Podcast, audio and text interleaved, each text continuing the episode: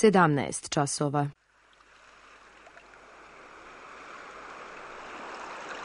Radio Televizija Srbije. Radio Beograd 2.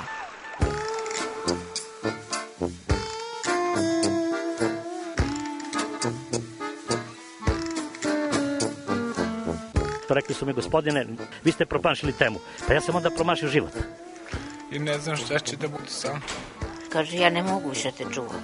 Šta da ti radi, kaže, snađi se kako znaš. Mi smo kao u kafesu. Za nas to je najmrtvo. To je mrtvo za nas. Naročito. Ja bih želela neko da me usvoji. To bih želela. Govori da bih te video. Program dokumentarnog zvuka.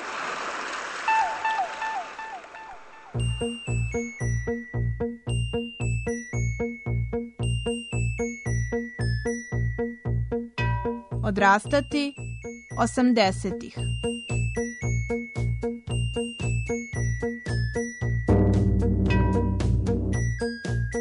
Ja sam u stvari prvi put čuo za akademiju, recimo tu u 14. gimnaziji i mi tamo naravno nismo mogli da uđemo. Pošto smo bili klinci. Kad imaš 14-15 godina, znaš, niko neće ni da te pusti u takav klub, osim ako nemaš starijeg brata ili sestru. Onda taj odlazak ispred akademije, staneš tu, ima neka gomila ljudi, mislim, koja čeka satima ne bi li ušla u, u dole u neki podrum, odakle ti čuješ muziku koja trešti toliko da tebi ono igraju nogavice pored. I čuješ neke stvari koje si zapravo slušao dotle, a i onda čuješ neke nove stvari koje ne da čuješ. I onda, naravno, hoćeš da uđeš unutra i moraš da uđeš unutra. Pošto je mogao u principu da tu uvede samo eventualno neko sa akademije, nas je uvela sestra ili neki brat ili neko čudo tamo na tu akademiju i onda naravno se desilo druga eksplozija u glavi. Zato što to je, razumeš, to, to ti zauvek promeni život. Jer sve žurke do tada koje si video, ni, ni jedna ne može te spremi za ono što se desilo tamo.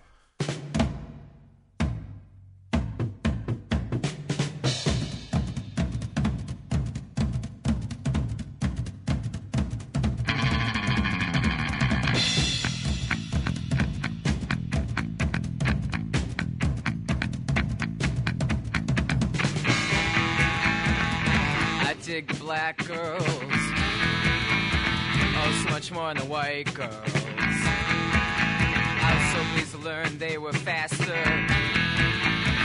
Guess, guess, guess, guess, guess. Ooh, I'm after.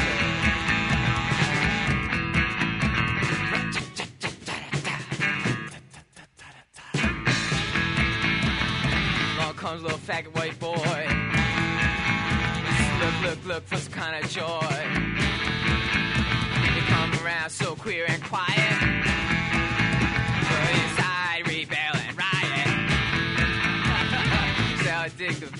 white boys. Oh, so much more than the black boys. I'm so pleased to learn they're not smarter. Give, give, give, give to.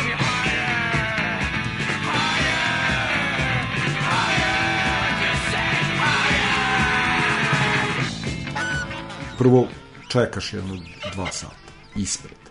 Pa onda ta osoba koja treba te uvuče mora se probija kroz sve te ljude i da te uvati za ruku i da se svi držite za ruke i onda tako uđete unutra, onda te bace uza zid. Jedan čovek koji je bio ogroman, koga su svi zvali Fraser, neki dobri dva metra, ovaj, isto toliko u širinu, on te gleda dok te neko pretresa. Nije bilo sa svima tako i nije bilo uvek tako, ali razumeš, mi smo kao neki novi klinci, on nas, oni nas nikad nisu videli dotle i kao mora se pretrese. I onda siđeš, pokušavaš da siđeš dole i sad prvo ne vidiš apsolutno ništa od dima. Ja tad nisam bio pušač. Ništa ne vidiš od dima i druga stvar, ne možeš da prođeš. Uopšte. Mislim, prolaženje kroz tu gomilu do, do samog mesta gde se nešto događa u smislu igranja, cupkanja, traje nekih dobrih 20 minuta, bez obzira na to da li znaš ili ne poznaješ nekoga. I nekako, kada uđeš u... Prvo sve je šareno, sve je bilo išarano, sve je bilo muralima, ali to, recimo, ja ranije nikad nisam video. Nije bilo e, Bilo je, mislim, bilo je tih kao sa obeležima raznoraznim, tipa on je punker, ovaj heavy metalac, ovaj ne znam ti ja šta, ali je više bilo tih ljudi, razumeš, koji nisu za, u stvari ništa. Samo su obučeni mnogo drugačije nego većina ljudi, što je isto tako postalo jako važno za, i za mene. Svi su nosili te košulje vesele cvetne i ovaj, svi su nosili te londarajuće farmerke, imao sam ih ja, samo što sam ih ja imao u jedno 7-8 boja različitih, jer tad smo otkrili da može i da se farba. Mislim, dotle, i, znaš, nekako ti to otvori ceo svet, sad odjedan put znaš da ima da se farba. Recimo, te stvari su me bile zanimljive, kao toliko stvari, znaš, ja se toga ne bi setio da nisam otišao ispred akademije. Ne bi mi ni palo na pamet da idem da tražim da farbam pantalone. Pored toga što je to bilo uzbudljivo i nekako rite of passage, nekako to je način da odrasteš, da konačno uđeš na tu akademiju.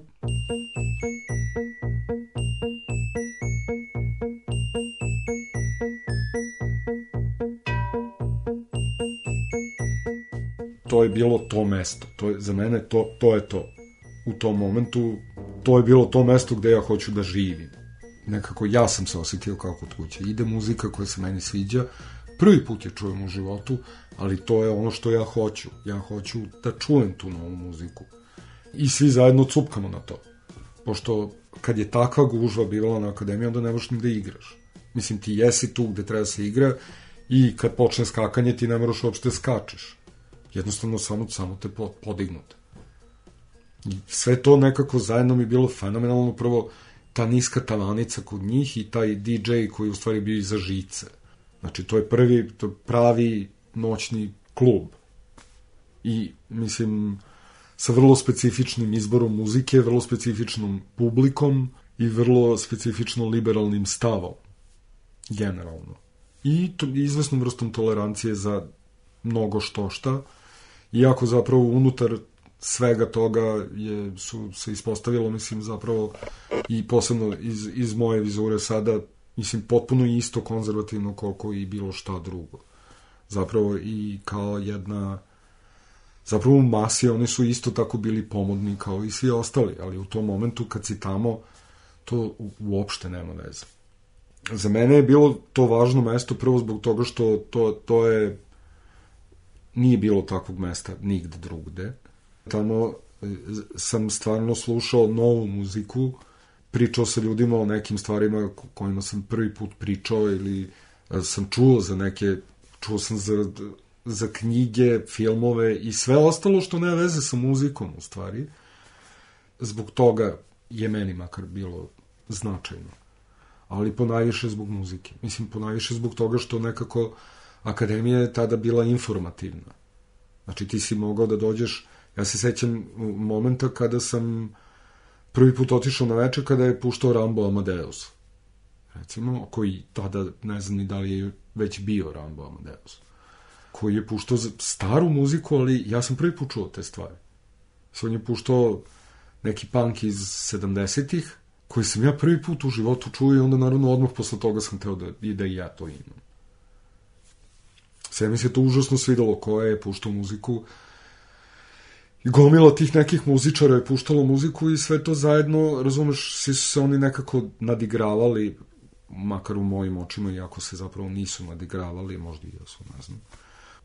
A sa druge strane bio je radio i bio je taj Žikica Simić koji je imao taj pomoćni voz, ili već, već, već, već sam zaboravio kako se to zove. U svakom slučaju to je bilo emisija posvećena novoj američkoj muzici i onda je on čovjek tako istraživački pristupao, doduše puštao i, i drugo, ali eto, to sam ja slušao i e, posle kasnije, već početkom 90-ih se pojavio Fleka sa Šišmiš radijom i 92-ka.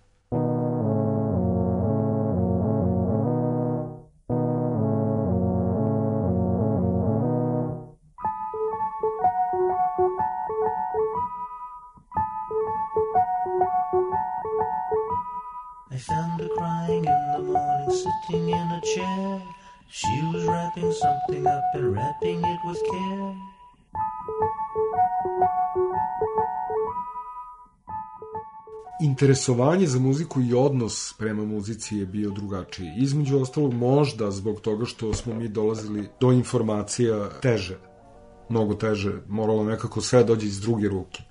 Osim ako ne putuješ stalno negde, pa onda imaš izvore informacija. Ali konkretno mi smo, naši izvori informacija su bili drugi ljudi, Mislim, to slušanje ploča je bilo nešto mnogo drugačije od ovoga sada. Mislim, ja i dan danas slušam ploče u stvari sa prijateljima.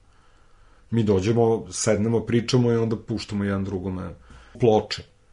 Kod onih ko, kojima su ostali, odnosno kod onih koji imaju još uvek radeći gramofon ili imaju novi gramofon. Mislim da je muzika bila daleko značajnija, da je bio daleko značajniji element u tom nekom pronalaženju sebe ili da kažemo, ajde, u pr pronalaženju sobstvene individualnosti ili bilo čega. Zapravo stvarno jeste bilo zanimljivo doba i uzbudljivo zbog toga što je delovalo sve na tom nekom opštom planu i, i pored naravno gomile ljudi koje zapravo ne zanima i dalje ništa u životu, imaš mnogo ljudi, pa makar oni bili i pomodni u, u tom momentu, koji deluju kao vrlo zainteresovani za sve oko sebe.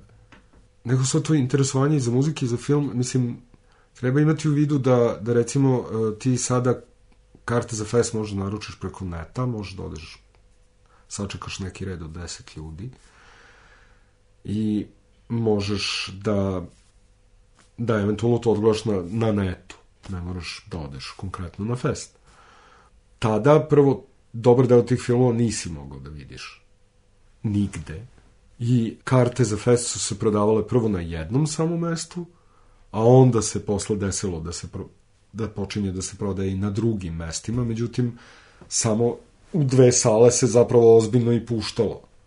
I to je bio Sava centar, a s druge strane Dom sindikata.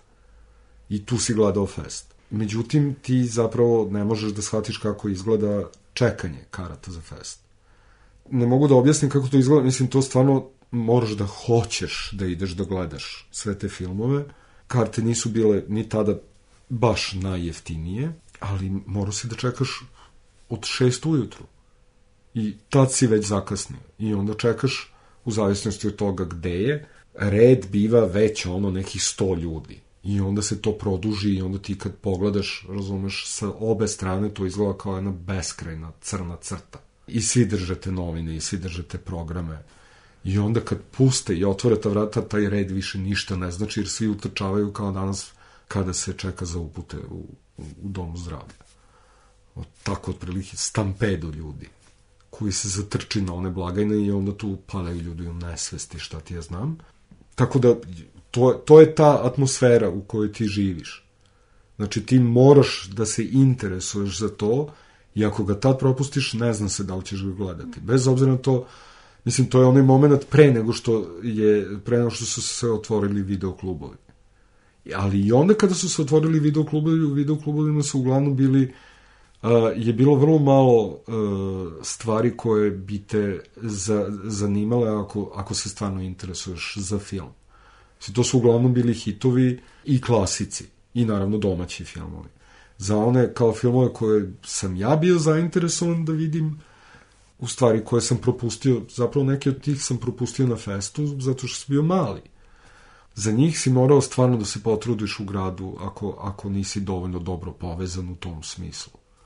Znači, postojalo je otprilike dva ili tri videokluba gde si ti mogao da gledaš ono gde si mogao da iznajmiš i da gledaš recimo Bergmana ili ako hoćeš da gledaš Kurosavu ili ako hoćeš da gledaš recimo Kaligulu. Za Kaligulu sam ovaj, odro, mislim, cipele, razumeš, tražići na video kaseti. When the sun goes down and the moon comes up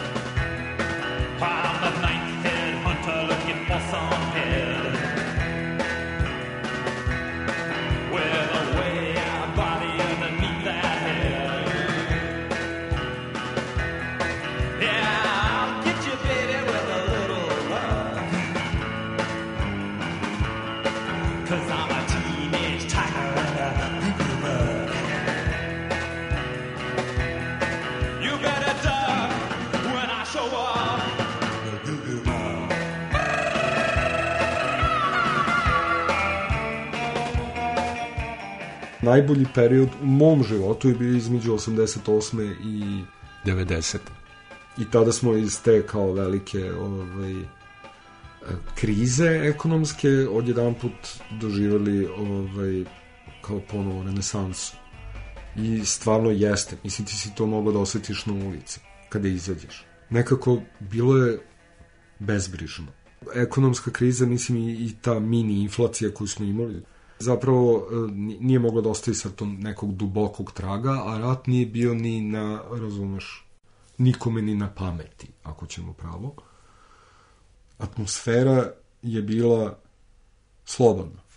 Jednostavno, bilo je, ono što smo mi osjećali je bilo sloboda. To je ono što se meni svidalo, jer atmosfera jeste bila takva.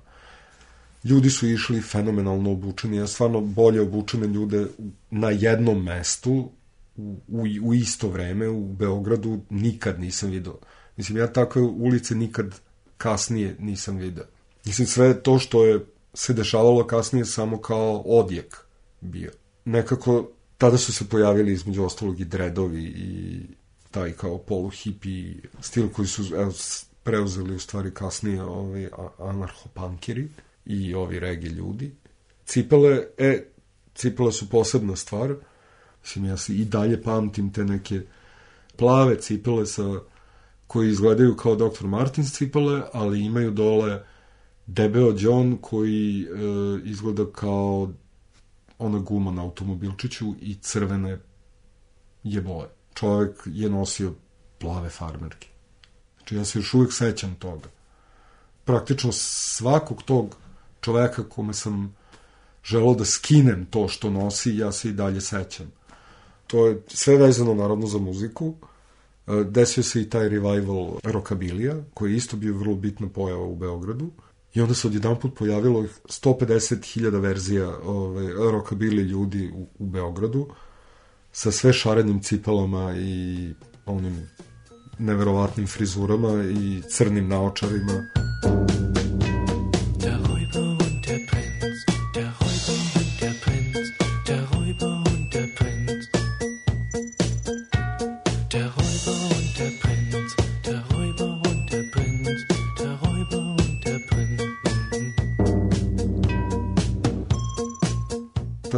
su se ozbiljnije pojavili i second hand shopovi koji su isto bitni za muziku. Jer ti si mogao da odeš u taj second hand shop, ovde blizu je bio na Čuburi 1, mogu si da odeš u taj second hand shop, mogu si i da radiš u njemu ako hoćeš. U svakom slučaju, muzika se puštala dobro u, u tim second hand shopovima i bilo dosta odeće koje je sada polako počela da izumire, na što je logično.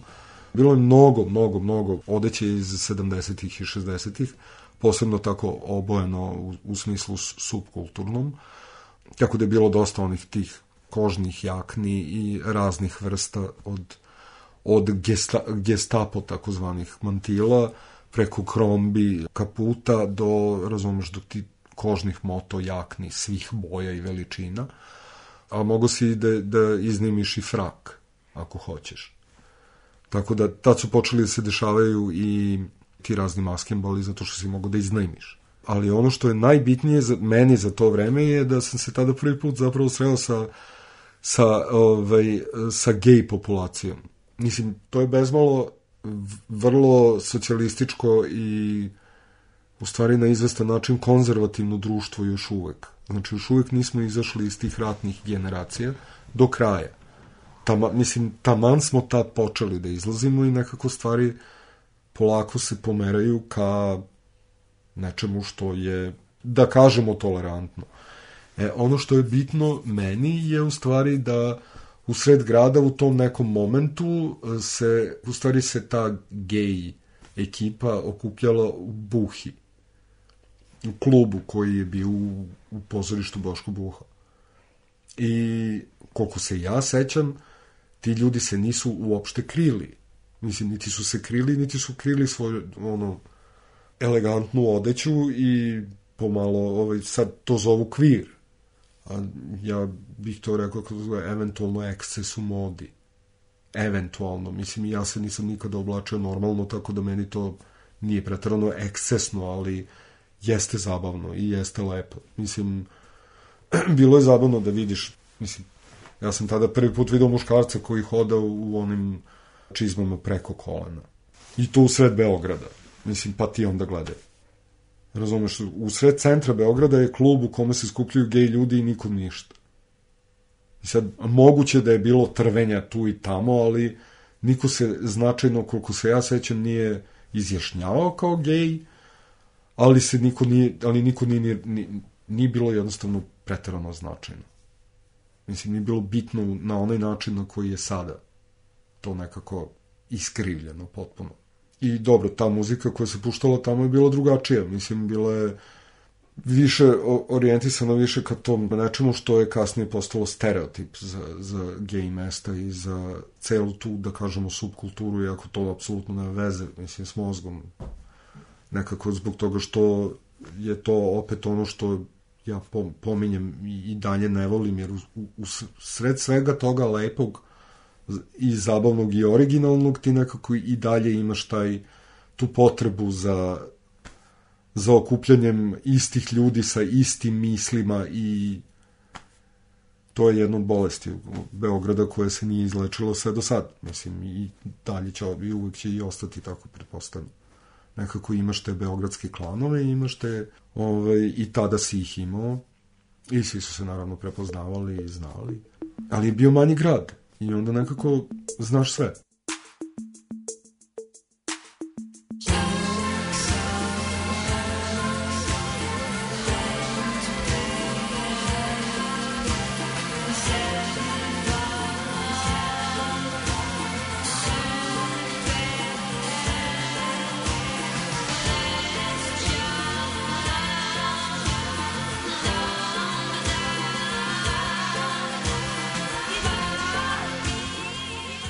Ono što se značajno desilo u, u muzici zapravo za nas je bio taj proboj novih bendova posle Smica i nekih stvari koje su u tom momentu postale nekako obavezna literatura muzička.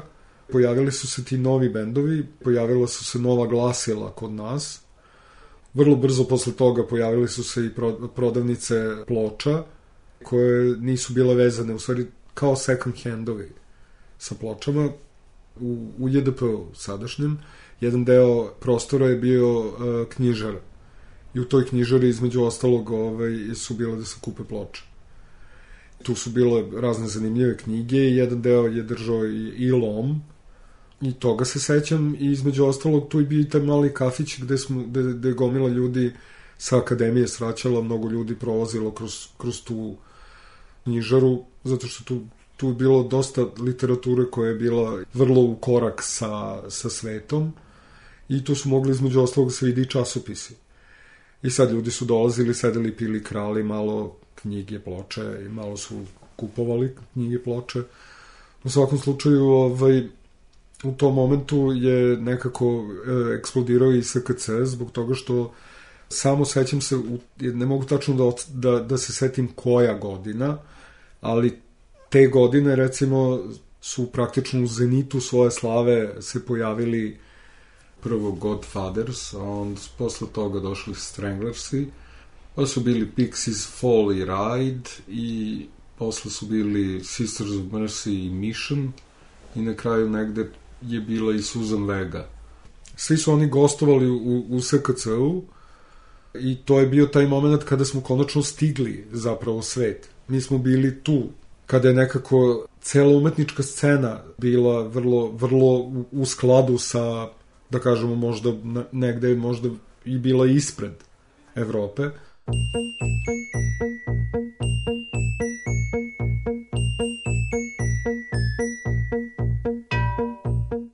U tom momentu negde smo mi saznali za taj Interrail, verovatno su ljudi znali mnogo ranije, to je išlo nešto valjda preko omladinske zadruge, I u stvari tu su se negde i završila sva to dobra vremena za mene.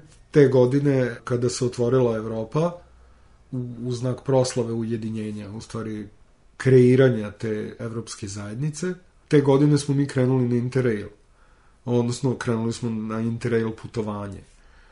Recimo da kažemo da, bez obzira na to što smo mi svi bili već negde, pre toga u Evropi, najčešće u Grčkoj, naravno, ili već negde van zemlje. Svi smo bili, mislim, dovoljno kratko da, da zapravo samo imamo onako nagoveštaj toga kako zapravo se živi tamo, jer uglavnom ako ideš sa porodicom, uglavnom to provedeš sa porodicom, pa nije baš da možeš mnogo da trčkaš okolo i da zapravo osetiš kako to izgleda. Tako da to je za nas već bilo nepojmljivo. Cela ta jedna situacija. Tako smo krenuli kroz Evropu i završili u Engleskoj, u stvari iz koje smo otišli u Irsku, gde je onako to vrlo zanimljivo bilo zbog toga što u stvari sve je bilo nekako u znaku U2. Postoje čak, čak taj jedan cel zid posvećen U2, gde su moje drugarice išle da jel te, se prikače i zalepe svoju sliku ili već nešto. Ove, I onda naravno iz te Irske sam prešao, u, sam se vratio u Englesku na taj Reading festival gde sam zapravo želeo da gledam neke od tih bendova i ispostavilo se u stvari da sam išao samo na jedan dan zbog toga što sve te bendove koji su bili ostalih dana sam već gledao u, u Beogradu. Znači, gledao sam ih u SKC-u. Taj koncert, mislim, ti koncerti zapravo ove, su mi i, i ceo taj festival i sve to što se događalo tamo baš na festivalu ovaj, nekako je bilo fascinantno slično onome što se događa u Beogradu u tom momentu s tim da, da je to bilo na nekako manjem u nekoj manjoj meri zbog toga što smo mi jednostavno manji grad od Londona i ovaj, i manja zemlja od Engleske.